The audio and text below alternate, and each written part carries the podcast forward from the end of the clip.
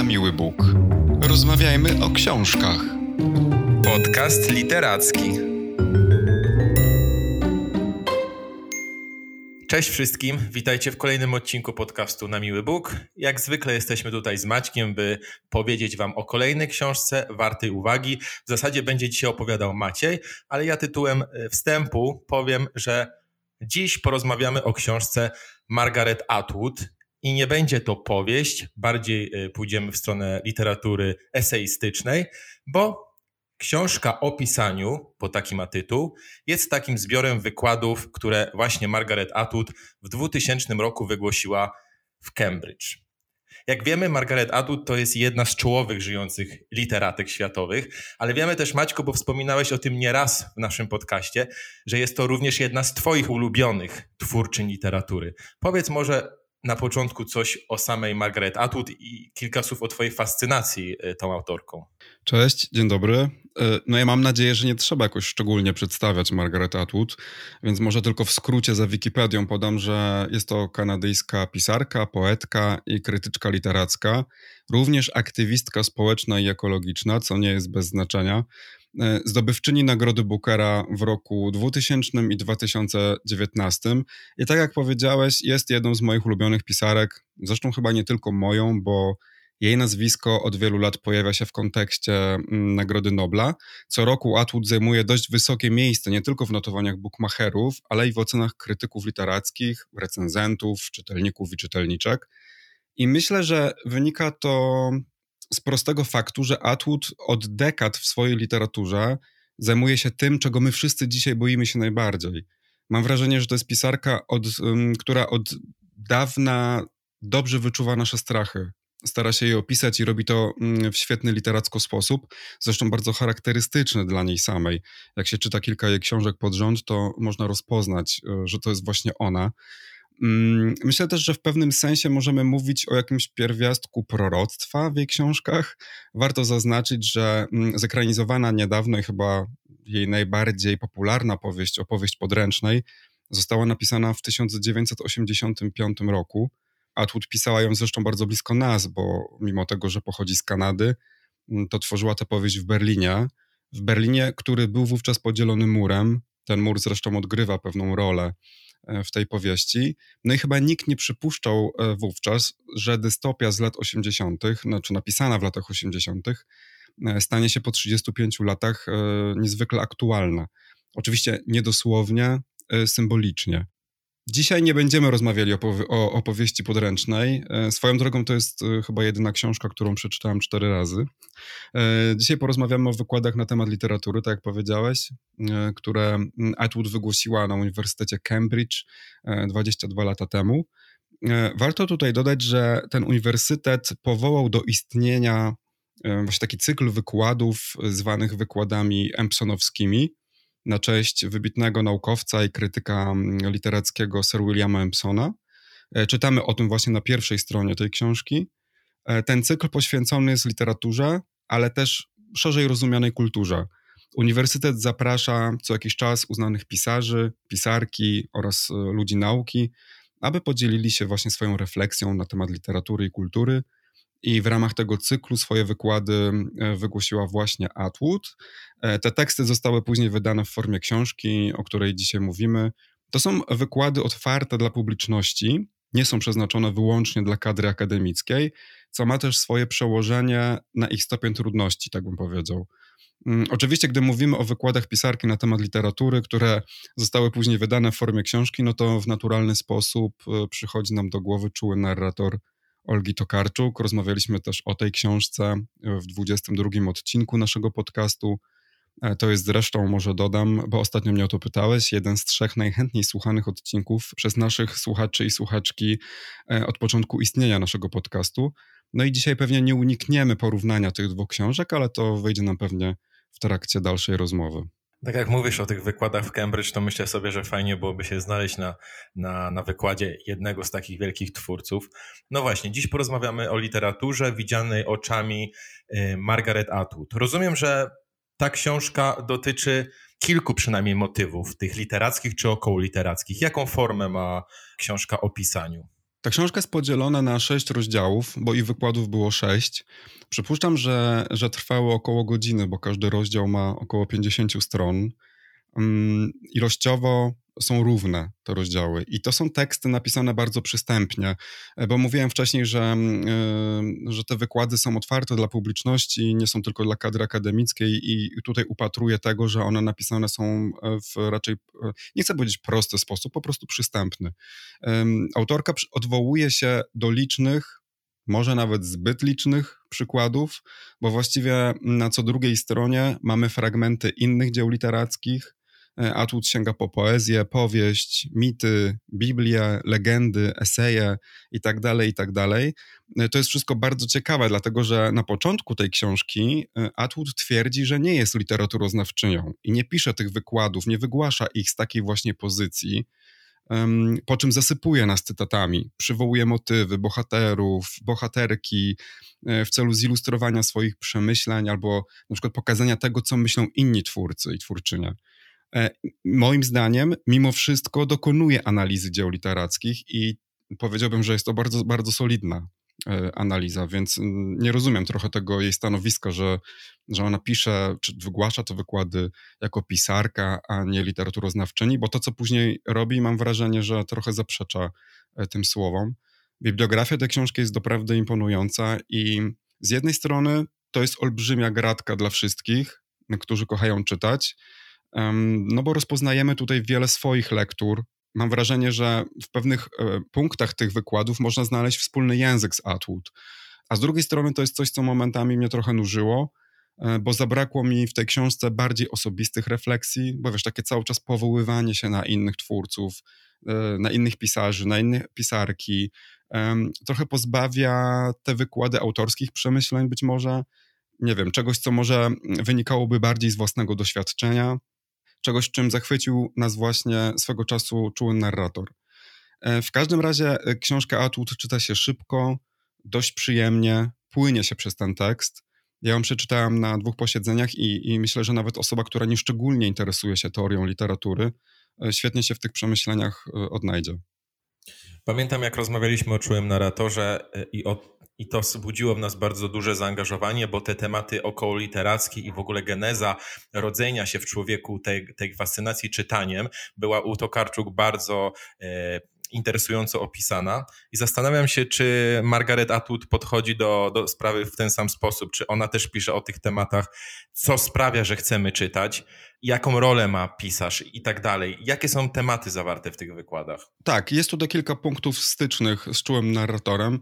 E, jak pisze sama Atwood, książka traktuje o pisaniu, choć nie o tym, jak pisać, jak również nie o tym, co sama napisałam. I faktycznie tak jest. Jak już wspomniałem, autorka bardzo chętnie ilustruje swoje refleksje na temat literatury właśnie licznymi przykładami. Natomiast, co ciekawe, nie odwołuje się do własnej literatury, do własnej twórczości. E, to jest o tyle frapujące, że w momencie pisania tych wykładów Atwood miała już za sobą 40 lat doświadczenia literackiego czy też jak sama mówi, harowania w kopalniach języka. E, I ta książka jest próbą odpowiedzi na pytanie, e, czym właściwie Atwood zajmowała się przez te całe dekady, no czy też inne osoby piszące od kilkudziesięciu lat. Także padają takie pytania, czym jest to pisanie, e, dla kogo się pisze, dlaczego się to robi, mm, dlaczego chce to robić tak wiele osób, jaka jest rola czytelnika i kim jest osoba, która pisze, a kim ta, która opowiada, która snuje narrację. Przy tym pytaniu oczywiście właśnie pojawia się, zapala się lampka pod tytułem Czuły narrator, bo to też tam się znalazło i też nas to bardzo zainteresowało. Ale chyba przede wszystkim y, takie główne pytanie, które wisi nad tą książką, nad tymi wykładami, to jest kim jest pisarz, kim jest pisarka i czym różnią się od innych artystów i artystek. E, może posłużę się fragmentem książki, który jest czymś w rodzaju rozbudowanego spisu treści. Atwood pisze tak. Rozdział pierwszy jest najbardziej autobiograficzny, daje też obraz zakresu utworów, do których się odwołuje.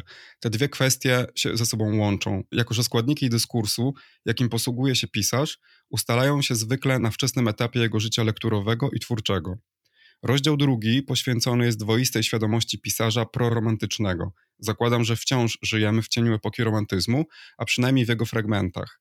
Rozdział trzeci dotyczy konfliktu między bóstwami sztuki a bóstwami handlu. Jaki wciąż odczuwa każdy pisarz uważający się za artystę.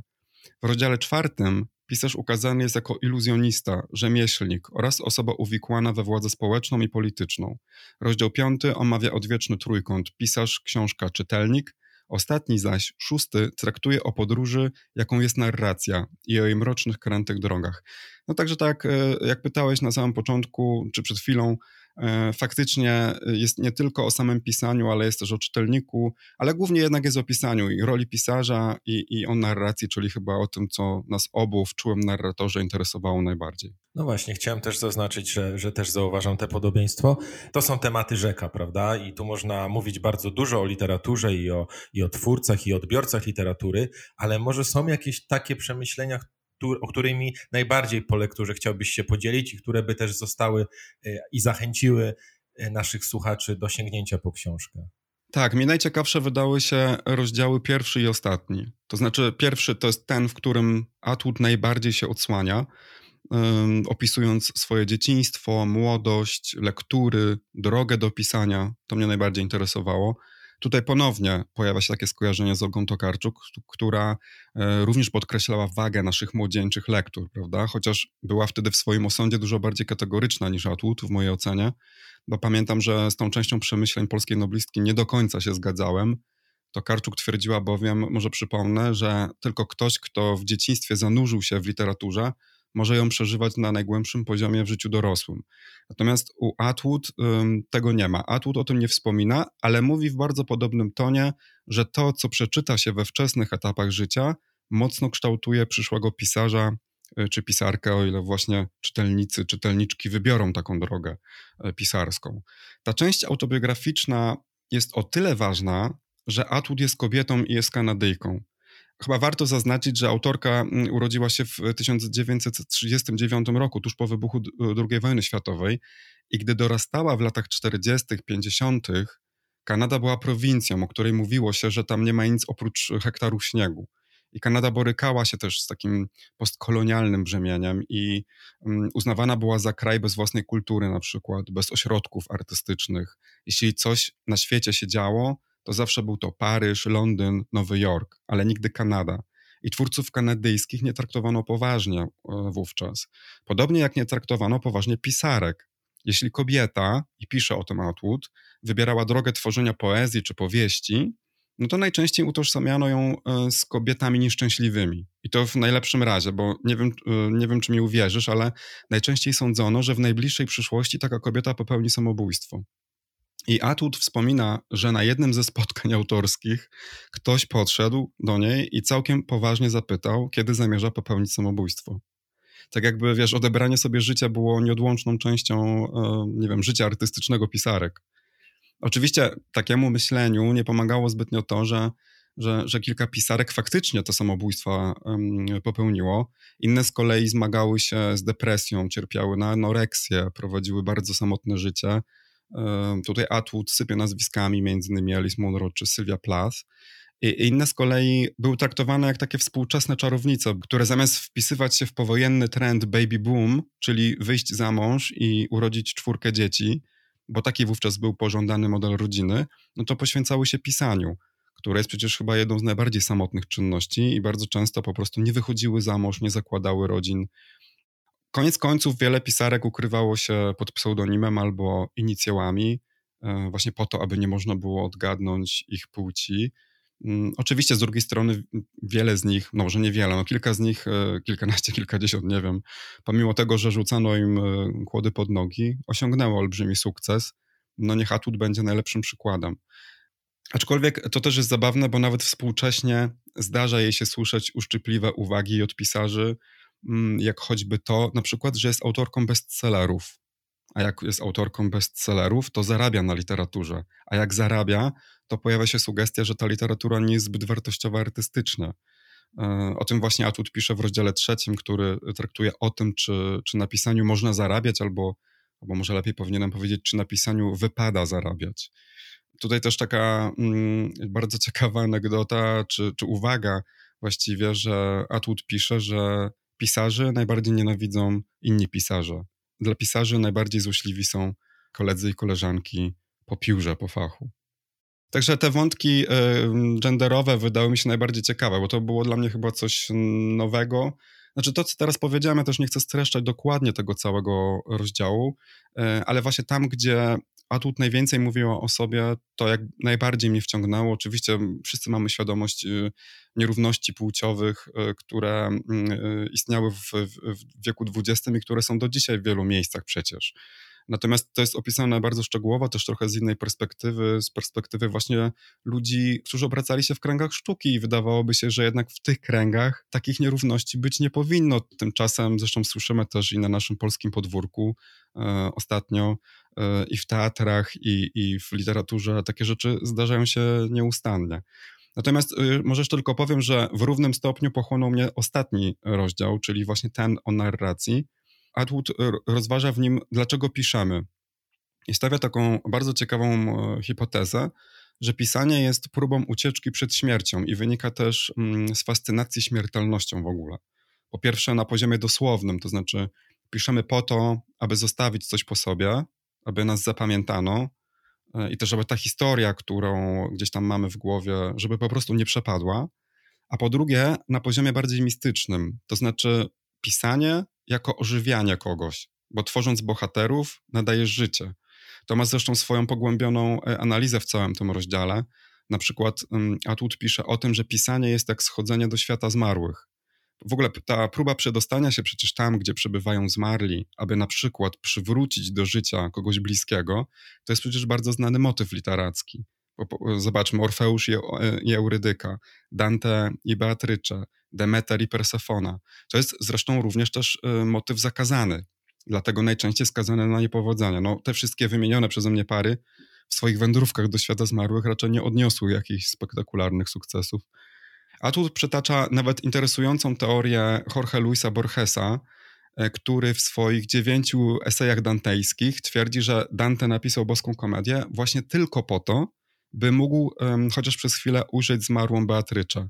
A więc pisał, tworzył monumentalne, nie wiem, skrupulatne dzieło tylko po to, aby ożywić swoją ukochaną, by móc spędzić z nią trochę czasu, e, choćby w swojej wyobraźni, prawda? Teraz mi przyszła do głowy powieść e, Pokuta Ayana e, McEwana, w której bohaterka zostaje pisarką niejako za karę.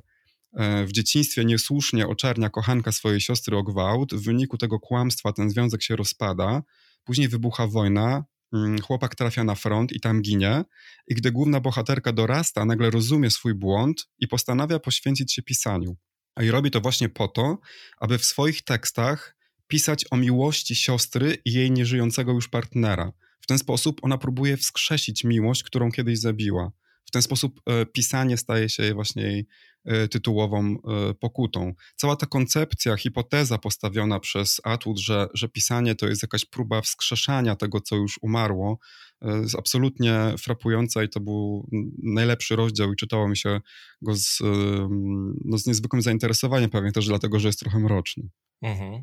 Ciekawe, jakby skomentowała taką hipotezę Olga Tokarczuk, bo to ciekawie się słucha opinii autorki, Margaret Atwood, która y, żyje już przez tyle dekad i obserwuje jakby różne oblicza literatury, literatury, która się zmienia i która teraz wygląda też inaczej niż y, kiedyś. Y, I tak zastanawiam się, czy może jest w tej książce jakaś uniwersalna informacja na temat tego, kto może napisać książkę, kto powinien, czy w ogóle można stać się, czy każdy z nas może stać się twórcą literackim? E, to ciekawe, że o to pytasz, bo przecież e, pokutuje takie stwierdzenie, że każdy z nas nosi w sobie książkę. To znaczy, że w życiu każdego z nas wydarzyło się, albo się dopiero wydarzy, coś, co zasługuje na spisanie, zapamiętanie, może nawet zekranizowanie. E, często oczywiście są to wielkie historie miłosne, no bo przecież to one są właśnie tymi, które jako jedyne w naszym życiu zasługują na opowiedzenia. Tak przynajmniej twierdzi w jednej ze swoich powieści Julian Barnes. Kiedyś pamiętam, że przytaczałem ten, ten cytat. Ale w języku e, potocznym przecież mamy też takie sformułowania, że to jest dobre do książki, mówi się tak, albo to jest historia na film, albo kiedyś spiszę te wszystkie nasze historie i wydam. Bardzo często tak mówimy i owszem, w pewnym sensie tak jest.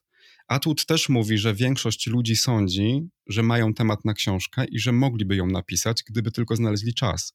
I autorka zgadza się z tym sformułowaniem w tym sensie, że wielu ludzi faktycznie ma temat na książkę, to znaczy przeżyło coś takiego, o czym inni mogliby chcieć czytać. Ale zaraz dodaję, że być pisarzem to jednak coś innego. E, I pojawia się tutaj zresztą wspaniała analogia do cmentarnego grabarza, bo Atwood pisze, że przecież każdy z nas potrafi wykopać dziurę na cmentarzu, ale nie każdy jest grabarzem bo nie każdy jest tak silny, tak wytrwały, aby udźwignąć to brzemię, prawda, i kopać te doły na cmentarzach, do których potem są e, wsuwane te trumny, codziennie na przykład i przez lata. Mm, rola grabarza jest przecież niezwykle symboliczna. No, nie polega wyłącznie właśnie na, na kopaniu dziur w ziemi. Mm, a tu pisze, no może nieco patetycznie, ale no nie sposób też z nią się nie zgodzić, że grabarz w pewnym sensie reprezentuje śmiertelność. I podobnie właśnie jest z pisarzem czy pisarką, szczególnie przez e, to duże P. To nie jest kwestia wyłącznie spisania jakiejś historii. To jest też kwestia, wydaje mi się, wzięcia na siebie pewnej odpowiedzialności za tekst, również takiej artystycznej. I nie każdy, kto ma historię, potrafi ją spisać. I nie każdy, kto ma historię, spisze ją w taki sposób, że, yy, że stworzy dzieło artystyczne. Często przecież słyszymy od samych pisarzy i pisarek nieskromne słowa o tak zwanym talencie, bez którego niemożliwe jest stworzenie e, prawdziwego dzieła literackiego, prawda? Że talent, który trzeba mieć, którego nie można nabyć e, w trakcie rozwoju, w trakcie życia. No i ów talent, natchnienie, wizja, czy nie wiem, jakkolwiek to nazwiemy, właśnie ma być tym czymś, co odróżnia artystów i artystki od wyrobników, czyli tych, którzy, nie wiem, produkują książki seryjnie. Także od, odpowiadając na pytanie, czy każdy może napisać książkę, myślę, że mm, każdy, Y, od razu się pojawia automatycznie pytanie drugie, kto nam ją wyda, bo nawet jeżeli nie znajdziemy wydawnictwa, to teoretycznie jest to możliwe, aby sobie wydać tę książkę y, samodzielnie w takim self-publishingu. Natomiast czy to, co napisaliśmy, albo czy nawet to, co ktoś nam wydał, będzie dziełem literackim, to już jest osobna, zupełnie odrębna kwestia. Czy w takim razie pisarz, pisarka, i mam na myśli tutaj tych przez duże P, pełnią jakąś konkretną rolę w obecnym świecie? Kim oni są dla społeczeństwa? To jest trudne pytanie. Ja nie wiem, czy mam krótką odpowiedź na takie pytanie, kim w takim razie na przykład jest pisarz, nie? albo pisarka, albo właśnie jaka jest ich rola. E, tak wcześniej mówiłem o tym rozdziale, w którym Atwood pisze o zarobkach pisarzy i pisarek i zadaje takie pytanie, czy na sztuce wypada zarabiać. No to oczywiście to się przez e, stulecia zmieniło bardzo, bo jeszcze nie wiem, w XVII-XVIII wieku od e, artysty, od pisarza, pisarki oczekiwano e, no, tworzenia sztuki właśnie przez duże S. To jest taki oczywiście romantyczny obraz pisarza, kogoś, kto, nie wiem, siedzi na poddaszu gdzieś tam w Paryżu i po prostu pisze przy świeczce, tam skrobie sobie te literki i, i klepie w ogóle biedę a potem się pewnie jeszcze zabija na koniec.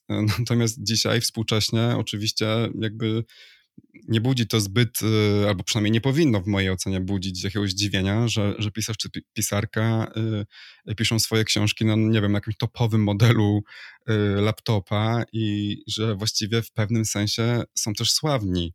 Mm, no może tak nie celebryci, że są sławni tylko dlatego, że są sławni. Stoi za nimi jednak literatura, wielkie dzieła najczęściej chociaż nie zawsze. Ale na przykład teraz mi się przypomniało te wszystkie afery wokół Szczepana Twardocha, że on gdzieś tam występował w jakichś reklamach, ja już nawet nie pamiętam, ale było jakieś takie oburzenie środowiska nawet y, artystycznego, że jak on śmie w ogóle, że, że wydaje powieści, jest nominowany do Nike, a tu reklamuje jakiś samochód czy zegarek, nie wiem co on tam reklamował tak naprawdę. E, a w gruncie rzeczy Atwood też śmieje się z tego, że y, jest właściwie wdzięczna też temu, że jednak z czasem zrozumiano, że że artyści również mają żołądki i również muszą jeść i również muszą płacić y, rachunki. Ja nie wiem, moje wyobrażenie na temat współczesnych pisarzy i pisarek jest dosyć mgliste, bym powiedział. Sama Atwood też pisze bardzo dużo o tym, poświęca mnóstwo uwagi temu zagadnieniu, przywołuje też wiele opinii innych twórców i twórczyń. Hmm, powiedziałbym, że osoby piszące dzielą się na dwie grupy. Na tych, którzy rozpisują fabułę w Excelu, mają wokół siebie tysiąc karteczek, skrupulatnie planują swoje sceny i są takimi być może właśnie rzemieślnikami. I na tych, którzy zaczynają od zdania, od impulsu, jakiejś impresji nie? i idą w nieznane, tak jak na przykład Joanna Bator, o której też y, mówiłem w tym kontekście kiedyś. Słyszą głos i podążają za nim. To jest chyba moja ulubiona definicja. Ulubiona, no bo znowu nieco mroczna. E, dla mnie osoba pisząca zawsze będzie chyba kimś, kto odbywa pewną podróż w głąb siebie. i zawsze też będzie to ktoś, kto łączy w sobie um, te dwie grupy, to znaczy cechy rzemieślnika i takiego trochę pisarza romantycznego. Um, to jest kogoś, kto uważa, że jest natchniony i kto cierpi w procesie tworzenia.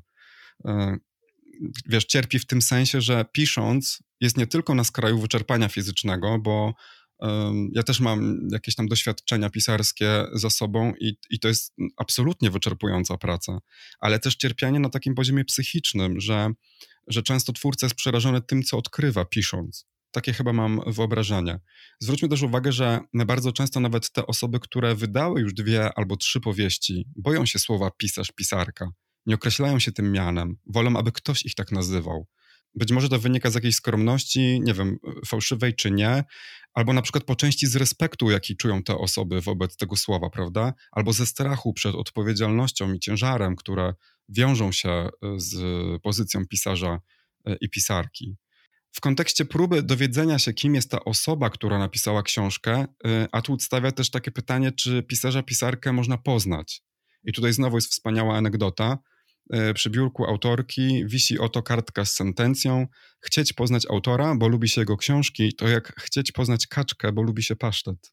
Niestety, e, jak, jak słyszysz, Atwood stawia raczej pesymistyczną diagnozę, pesymistyczną albo może realistyczną. E, bywa przecież tak, że właśnie artyści i artystki, których dzieła podziwiamy, no w takim życiu realnym bardzo nas rozczarowują. E, ale też myślę, że tu pojawia się dużo ważniejsze pytanie, z, którym Atwood e, też się mierzy, to znaczy, czy osoba, która opowiada historię, to ta sama osoba, e, którą, która ją napisała.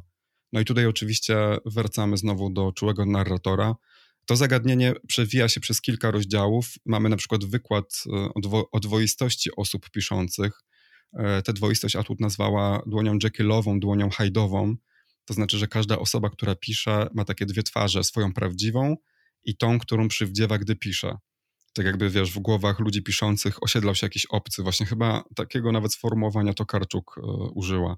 To jest coś, co mnie zawsze przyprawia o gęsią skórkę, bo to pytanie, kim jest ten głos, który słyszę w głowie, gdy pojawia się jakaś historia? Czy to ja sobie opowiadam, czy może ktoś do mnie przychodzi, aby mi coś opowiedzieć, a ja jestem tylko narzędziem, ja tylko mam usiąść i spisać?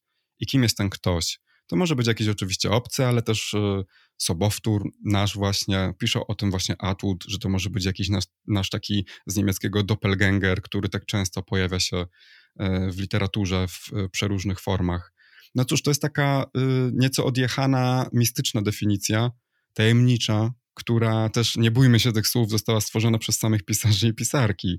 I myślę, że, że niestety trochę jednak po to, aby wyróżnić się od nas, tych zwykłych śmiertelników, którzy nie mamy takiego tajemniczego połączenia z kosmosem. Ale ja tę definicję uwielbiam i, i szczerze powiedziawszy, w zupełności mi to nie przeszkadza, gdy ktoś tak właśnie mm, mówi o swoim pisaniu. E, no i właśnie to oraz to, o czym wspominałem wcześniej, to znaczy mm, sięganie po historię mm, jako podróż do świata zmarłych, albo, albo y, aby coś lub kogoś ożywić, sprawiło ostatecznie, że, że ta książka mnie zafascynowała, a muszę przyznać, że, że nie było tak e, do końca. Ja musiałem do tego dojść, musiałem sobie to poukładać.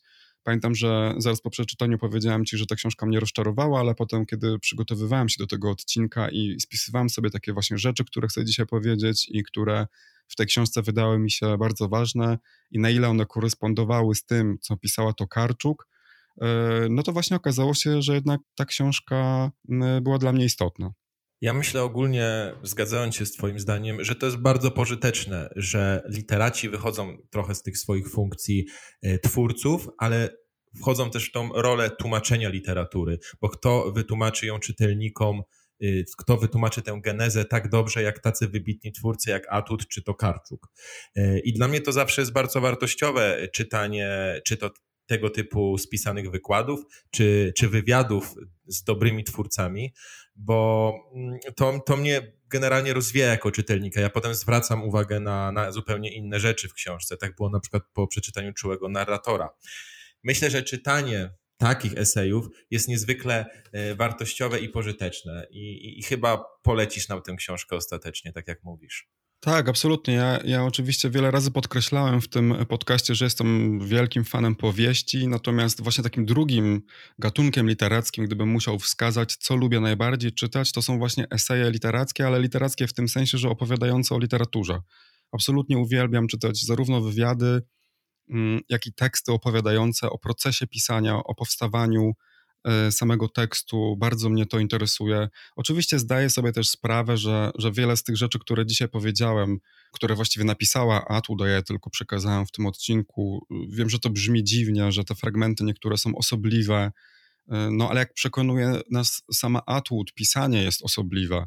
Pisanie jest specyficzną czynnością, pisanie jest dziwne i myślę, że jeszcze wiele takich książek przed nami i jeszcze wiele prób zrozumienia, czym jest pisanie. Więc ja ze swojej strony E, stawiam tę książkę tuż przy czułym narratorze i przy innych książkach autorów i autorek właśnie o pisaniu i serdecznie Wam ją polecam, szczególnie wszystkim tym, którzy właśnie taką teorią literatury się interesują, teorią na temat jej powstawania w szczególności. Dzięki Maćku za to, że opowiedziałeś nam dzisiaj o pisaniu, a Margaret Atwood. My słyszymy się za dwa tygodnie w kolejnym odcinku podcastu Na Miły Bóg. Do usłyszenia. Dziękuję bardzo, do usłyszenia. Na miły Bóg. Rozmawiajmy o książkach. Podcast literacki.